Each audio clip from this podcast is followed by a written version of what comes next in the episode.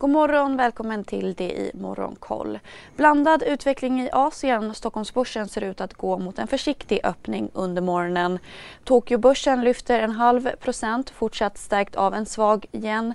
Landets export ökade mindre än väntat i mars.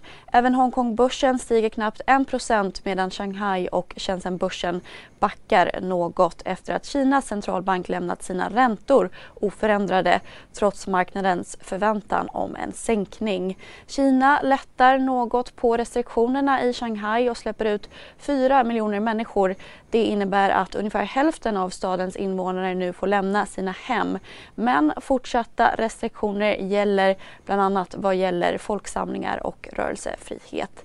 Streamingjätten Netflix rapport rasade 25% i efterhanden igår. Bolaget rapporterade en förlust på 200 000 prenumeranter i det första kvartalet och spår ytterligare en minskning om 2 miljoner prenumeranter i andra kvartalet. Börserna på Wall Street var klart uppåt vid stängning. S&P 500 var upp drygt 1,5% och Nasdaq lyfte över 2% Även IT-konglomeratet IBM rapporterade efter stängning och steg runt 2% efter ett något bättre resultat än väntat. I USA har Chicagos eh, Fed-chef Charles Evans pekat ut några positiva utvecklingar i den senaste inflationsrapporten där varuinflationen visar tecken på inbromsning vilket han menar kan bidra till en minskning av den totala inflationstakten. Samtidigt varnade andra Fed-ledamöter att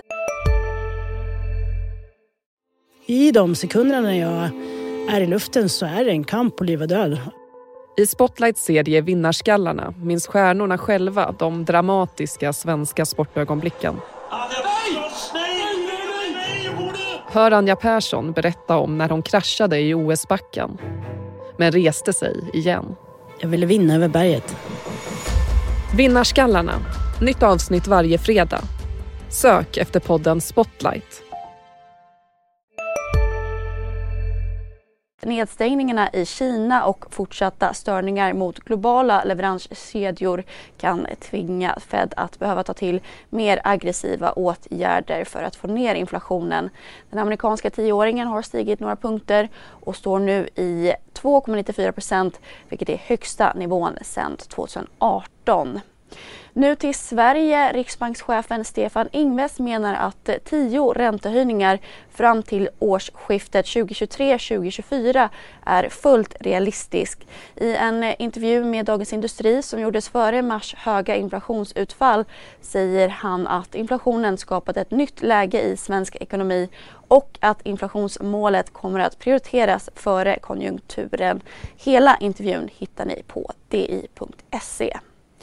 E-handelns utveckling har mattats av något i förhållande till förra årets rekordutveckling. Omsättningen backade 17 i mars jämfört med motsvarande månad i fjol men steg ändå rejält i månadstakt. Det visar Svensk Handels e-handelsindikator. Och försäljningen av begagnade bilar har sjunkit till en rekordlåg nivå enligt en ny undersökning av KVD Bil. Det på grund av att den ryska invasionen av Ukraina och höga bränslepriser har satt stopp för försäljningen. Under dagen ser vi fram emot det riktiga startskottet på rapportsäsongen när verkstadsjätten Sandvik öppnar böckerna.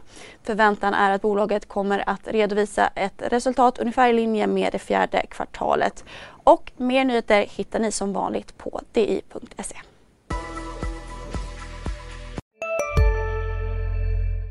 CSRD, ännu en förkortning som väcker känslor hos företagare.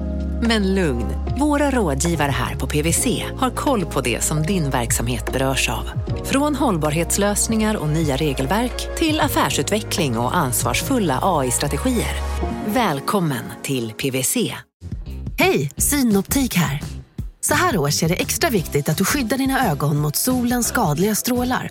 Därför får du just nu 50% på ett par solglasögon i din styrka när du köper glasögon hos oss på Synoptik. Boka tid och läs mer på synoptik.se. Välkommen!